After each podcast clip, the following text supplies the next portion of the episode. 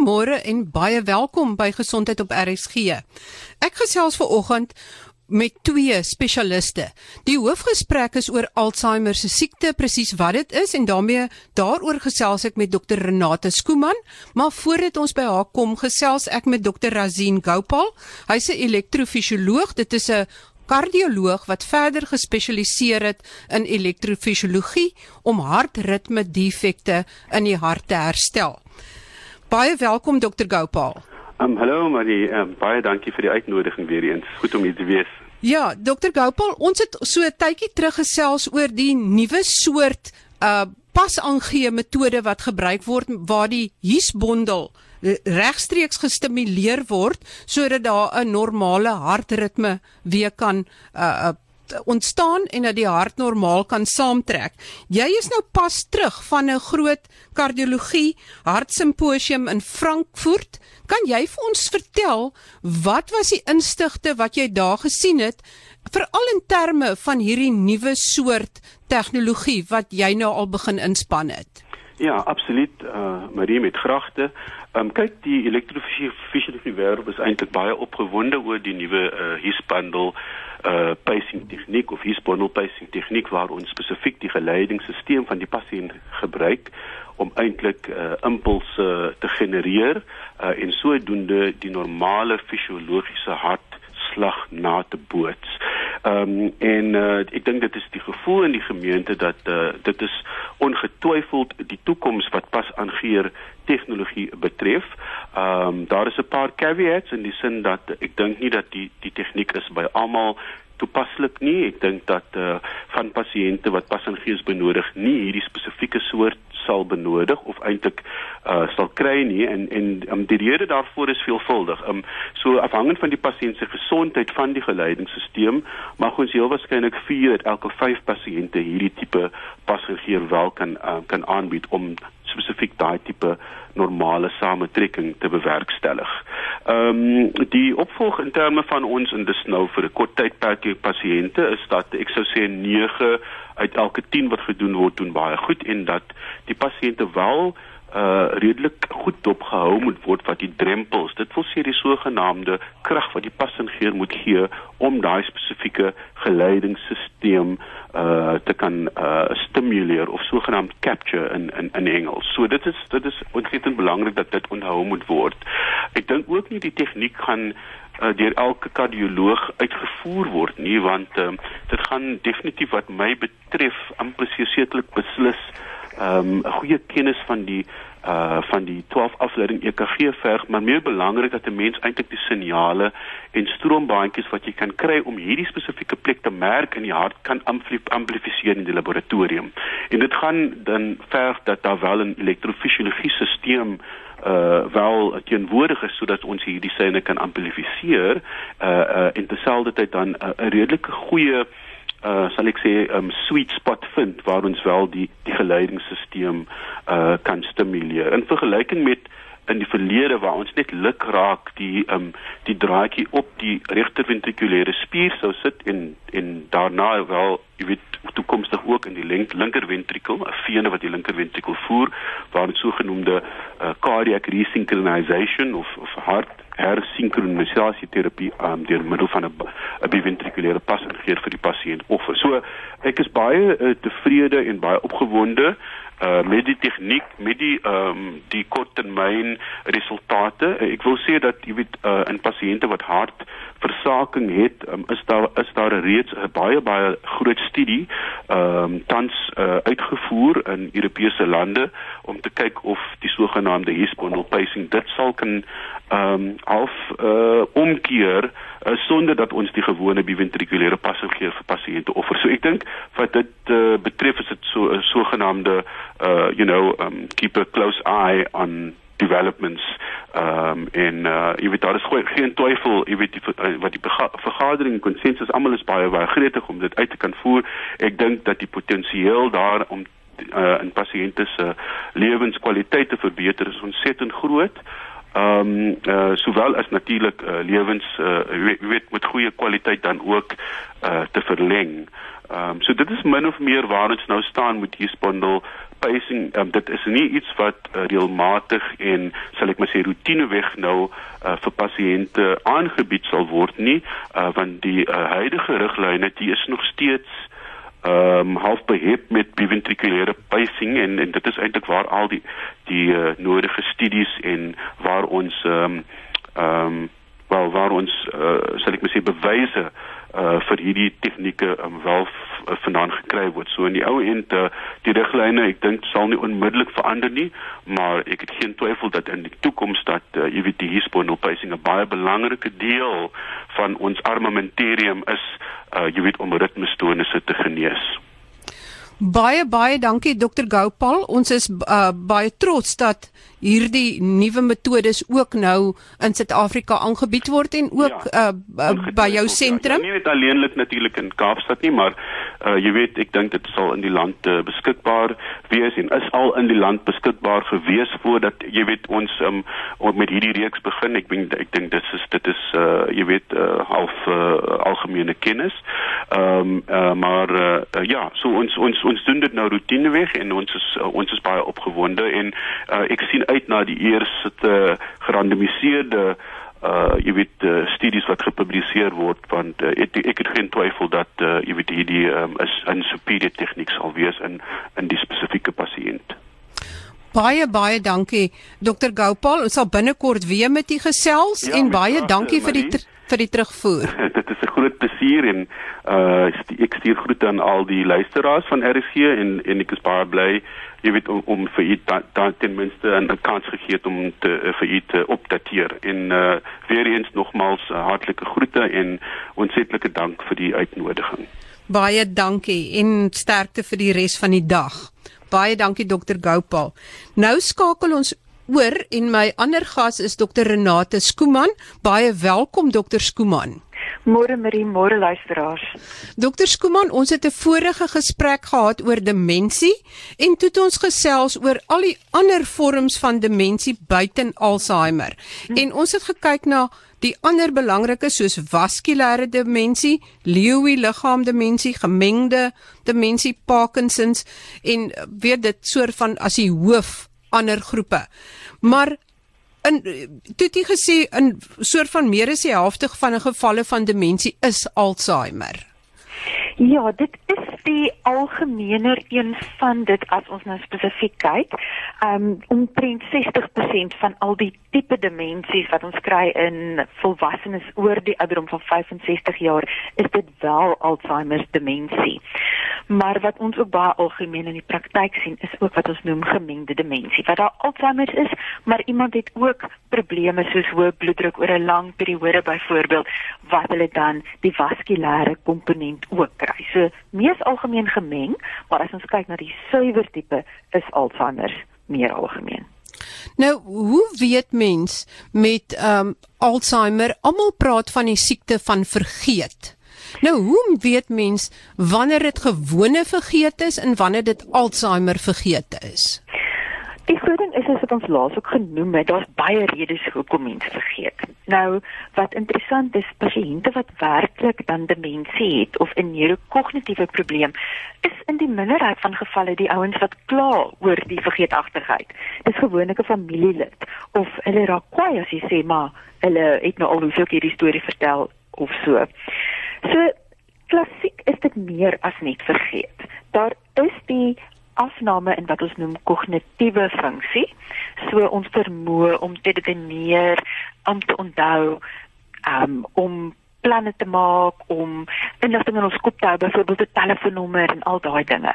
Maar dis dan geheue plus iets anders. So dan mees algemeen is dit ehm um, wat ons noem afasie of taalprobleme wat baie klassiek woordvindingsprobleme is. Nou daar wil ek myself gou in die rede val in ehm um, toe my kollega nou gepraat het, ek gedink o my aarde, my Afrikaans gaan ek moet werk vandag want hy het so mooi suiwer gepraat. En ons almal En slegsend ek kry gereeld tye wat ons net nie daai woord kan kry nie of jy kan net nie daai persoon se naam onthou nie en jy praat so om dit. Nou dit gebeur met ons almal, maar as dit die algemeen raak waar iemand regtig nie meer amper woorde kan verstaan nie of woorde totaal en al vervang met iets wat nie korrek is nie, 'n ander woord daarvoor gebruik, dan moet ons meer op die uitkyk wees van is dit dan 'n taalprobleem of 'n afasie. Die ander ding wat dan kan voorkom saam met die geheueprobleme is wat ons noem abraksie. Met ander woorde, dit is die inkorting in die vermoë om motoriese funksies te verrig. Met ander woorde, daar's niks fout met my hande nie, maar ewe skielik is ek dom om 'n selfoon te gebruik of daar's niks fout met my hande nie, maar ek staan een oggend met my kam in die hande en ek weet nie hoe my hare te kam of om my knopies van my baadjie vas te maak of my veters te knoop nie. Mm. Dan is daar ook agnosie wat beteken ons kan nie altyd meer goeders erken nie. Jy sê byvoorbeeld sien dit is 'n stetoskoop, maar jy gaan nie die naam van die ding kry nie en jy gaan ook nie weet maar dis die ding wat die dokters gebruik om na jou hart te luister nie. So ons herken nie meer um voorwerpe nie. Ons sal baie keer ook in toetse as ons nou vir 'n pasiënt toets, goeie soos 'n plastiek blommetjie wys of 'n skêr en hulle kan nie meer altyd herken wat dit is of wat ek daarmee doen nie. En dan die laaste een wat dan ook in kombinasie met die geheueprobleme is, is dan soos ek genoem het, redeneringsvermoë of wat ons noem executive functioning of uitvoerende funksie. En dit het te doen met om my te goed te beplan, te organiseer, um tye in orde te kry die dag en dan ook abstrakte redenering. Ehm um, jy kan nie byvoorbeeld dan meer blokkies raaisels invul of woordsomme oplos of selfs humor altyd verstaan of sien hoekom moet ek nou iets aantrek voor ek die baadjie kan aantrek nie. Jy weet, jy trek net die klere aan in afhangende nou van die graad, maar daai vermoë te redeneer en uit te voer is nie meer daar nie.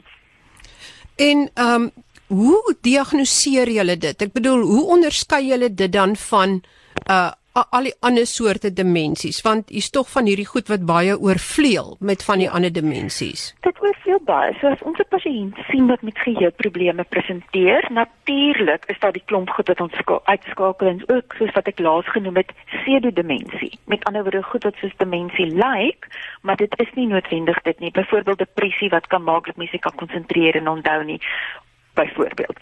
Um ons doen altyd dan wat ons noem 'n screening of 'n siftingstoetsie en van die luisteraars sal dit erken dalk het jou dokter dit al met jou gedoen wat ons 'n paar vragies vra. Daar's gewoonlik twee of drie verskillende toetse wat mens kan gebruik. Party dokters gebruik die Volstein Minimental party um, dokters gebruik die Montreal Cognitive Assessment die MOCA Maar basies is dit eenvoudige vraag wat ons na kyk in terme van oriëntasie. Wat is die dag, die datum, die jaar, die seisoen, watter land, provinsie, dorp of stad is ons in? Woorde om te onthou wat ons weer vra. Ons vra vir pasiënte om somme te doen, eenvoudige somme of agteruit te tel of om woorde agteruit te spel eenvoudige sinne om te skryf, om te lees, dinge te herhaal, te roep. Nou dit klink verskriklik eenvoudig maar meeste mense nog tot op 'n gevorderde ouderdom behoort meer as byvoorbeeld op die volstaan 26 en 30 te kry.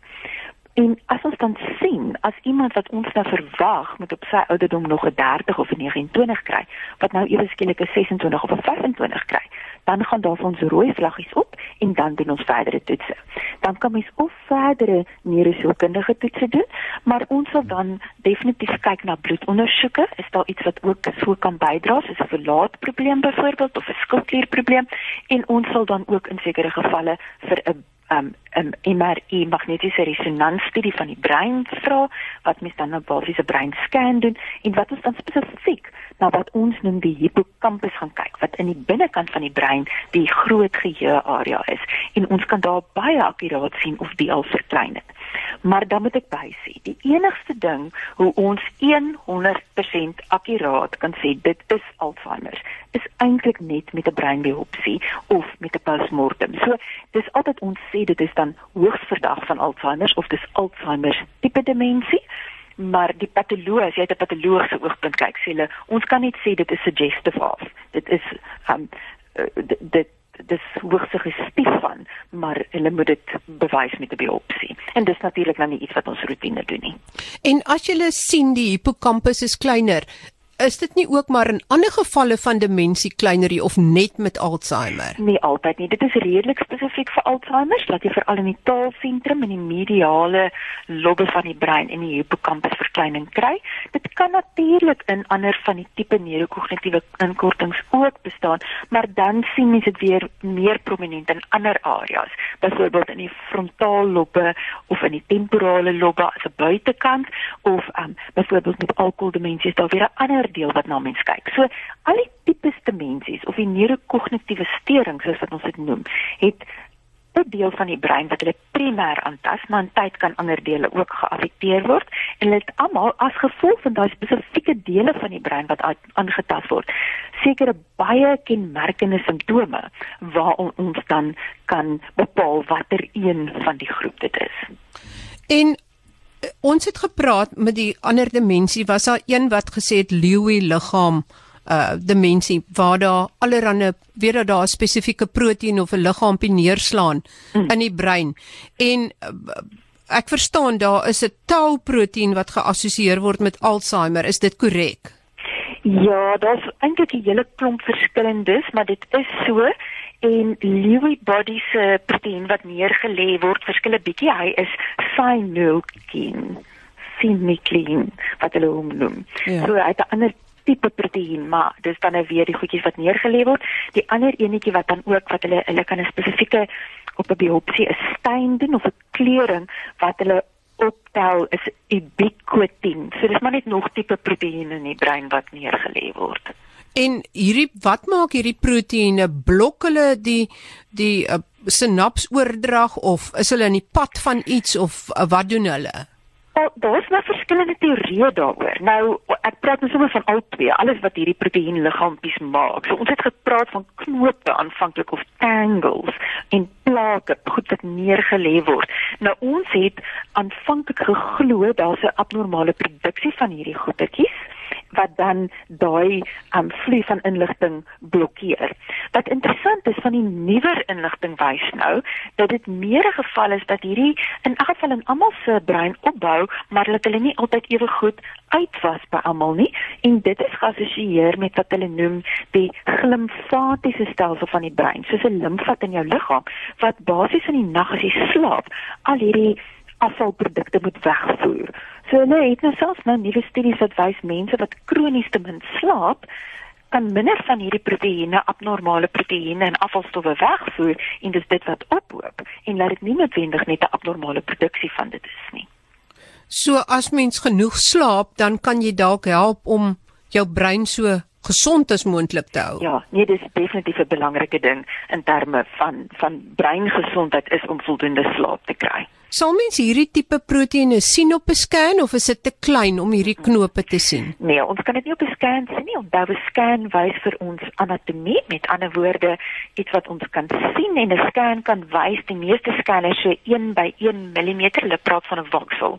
Nou hierdie goed is nog baie kleiner omdat dit nou in die selletjies, so mens kan dit net onder 'n mikroskoop basies sien. Goed, dan kom ons by as iemand nou Alzheimer ontwikkel, wat is die verloop van Alzheimer. Weet wat is die eerste simptome en hoe word dit erger en oor watter tipe tydperk kyk mens na? Hmm. Dit is altyd die die moeilike vraag om te antwoord dokter hoe lank. Ehm um, so die een ding is wat ons sien ons het aanvanklik na die kognitiewe probleme van geheue en dan die goed wat ek genoem het die taal, die doen, die motoriese probleme en die uitvoerende funksies. Met tyd kan dit nou so erg raak dat dit natuurlik iemand se sosiale of werksfunksionering aantas of hulle bestuursvermoë aantas. Ehm um, in sosiale funksionering kan hulle begin onttrek, nie meer aan gesprekke deelneem nie. En later kan daar soos dit erger raak verdere probleme kom soos gedragsprobleme, um dalk aggressie, verwarring en dan ook soos dit verder loop verloop kan mense baie keer fisies ook verswak, maar dit is baie keer twee aparte prosesse wat maar saamgaan. Maar dan die, die verwardheid raak erger, die fisiese afhanklikheid en die selfsorg raak moeiliker en moeiliker en dan moet mens natuurlik hulp inkry of dan iemand laat tuis versorg of waar daar versorging beskikbaar is. Pasiënte gaan nie primêr dood van Alzheimer nie. Hulle gaan dood as gevolg van ander goed. Hulle val en breek 'n heup, kry longontsteking. En en dis vir ons die probleem. As iemand vir my vra hoe lank gaan ma of pa Alzheimer hê, ons weet nie, want ons weet nooit waar by ons op die grafiek ons ook die pasiënt kry nie. Wat gewoonlik wat gebeur is, dat stadige agteruitgaan en dan op 'n stadium is daar 'n insinking. En dit kan nou of wees net van die Alzheimer of die persoon kan ook 'n beroerte hê byvoorbeeld. En dan as daar insinking kom, dan is daar amper weer 'n klein periodetjie van stadiger. Ehm um, maar as ons 'n pasiënt nou sien die eerste keer, ons weet nie waar op die grafiek dit is nie. So dis hoekom ons ook 'n pasiënt opvolg en dan elke keer weer evalueer om te kyk waar hoe vinnig is die agteruitgang ensovoorts. Dokter Skuman, hoe is dit behandelbaar? Is daar enige iets wat mens kan doen om hierdie agteruitgang te verstadig of te keer? Op hierdie stadium is daar niks wat kan genees nie daar's ook niks wat ons kan doen om dit totaal en al te voorkom nie. Ons kan goed doen om ons kanse beter te maak en dis waar die goed inkom wat ons nou oor gepraat het self, um, selfsorg in terme van slaap, gesond leef, nie substans gebruik nie. Daar's inligting wat miskien kyk na omega aanvullings na bietjie resveratrol wat in 'n bietjie rooiwyn per dag voorkom. Maar as iemand eers gediagnoseer is, is die beste wat ons kan doen om bydraende faktore te behandel, byvoorbeeld aan bloeddruk en goeters, en dan ook om die verloop van die proses stadiger te maak, soos wat jy genoem het. Nou, ons het op hierdie stadium twee tipe medikasies beskikbaar wat kan help met die vertraging van die verloop van die proses. Die een werk meer op wat ons noem asetielkolien en die ander een werk meer op glutamaat of NMDA. Nou, die asetielkolien wil mens hê moet meer wees in die brein, so as ons gewoonlik maak, dan is daar 'n ensiem wat dit afbreek, asetielkolien esterase. Maar as mens nou in 'n neurokognitiewe probleem of demensie te min daarvan het, dan wil ons nou keer dat dit afgebreek word. Ons gee 'n asetielkolien esterase inhibitor. So ons blok die ensiem. Die ander een wat ons dan gebruik is ene wat meer um, op die NMDA antagoniste is. As mens te veel van die glutamaat het, kan dit ook weer die brein amper brand en dan werk ons meer op die medikasie wat dan daai ensieme 'n bietjie blok. Nou, hoeveel tyd kan mens daardeur wen? 6 maande? hoe, hoe of in die agteruitgang of of dit, meer dit is dit gaan, dit gaan weer afhang van waar waar op die grafiek mens lê maar mens wil dit so vroeg as moontlik begin en ehm um, as mens te laat begin dan is daar nie regtig meer baat daarin vreeslik nie dit kan help nog bietjie vir gedragsprobleme later aan ehm um, maar ons kan nie sê ons wen 6 maande of ons wen 'n jaar of ons wen 5 jaar nie ons wil altyd ook kwaliteit van lewe wen ek voel nie iemand 20 jaar langer laat leef, maar daar's nie kwaliteit van lewe nie. So ons fokus is altyd kwaliteit van lewe. So as ek vir 'n pasiënt nog 3 of 5 dalk langer goeie jare kan probeer bewerkstellig met die medikasie, dan is dit ons doel. Sjoe, dit is maar nie 'n lekker diagnose nie. sien julle 'n laaste vraag, sien julle dit ook in jonger mense of is dit net in ouer mense? Nee, mense kry wat ons noem early onset Alzheimer, wat dan voor die ouderdom van 65 is. Dan is daar meer mense wat moontlike familiegeskiedenis het van ander pasiënte wat dit ook baie vroeg ontwikkel het in die familie of dit is ook dan pasiënte wat 'n vinniger verloop het, maar dit is gelukkig nie baie algemeen in jonger mense nie. Dit is meer algemeen um 65 jaar en ouer. Baie dankie Dr Renate Skooman. Sy's 'n psigiater in Kaapstad en verbonde aan SASOP, dis die Suid-Afrikaanse Vereniging vir Psigiaters. Uh baie dankie en dan volgende week gesels ons weer gesondheidsake. Daar's baie interessante programme wat wag en skryf gerus aan my by gesond@rsg.co.za en net 'n vinnige terugverwysing na die eerste gesprek. Onthou daar is nou hierdie nuwe uh, metode hier's bondel pas aangee wel beskikbaar in Suid-Afrika en soos dokter Gopal gesê het dit is beslis die toekoms en dit kan 'n hart weer normaal laat saamtrek om die gewone EKG golwe te vorm selfs in harte wat al beskadig is. So dis baie goeie nuus saam met die minder goeie nuus van die Alzheimer behandeling. Tot volgende week dan totsiens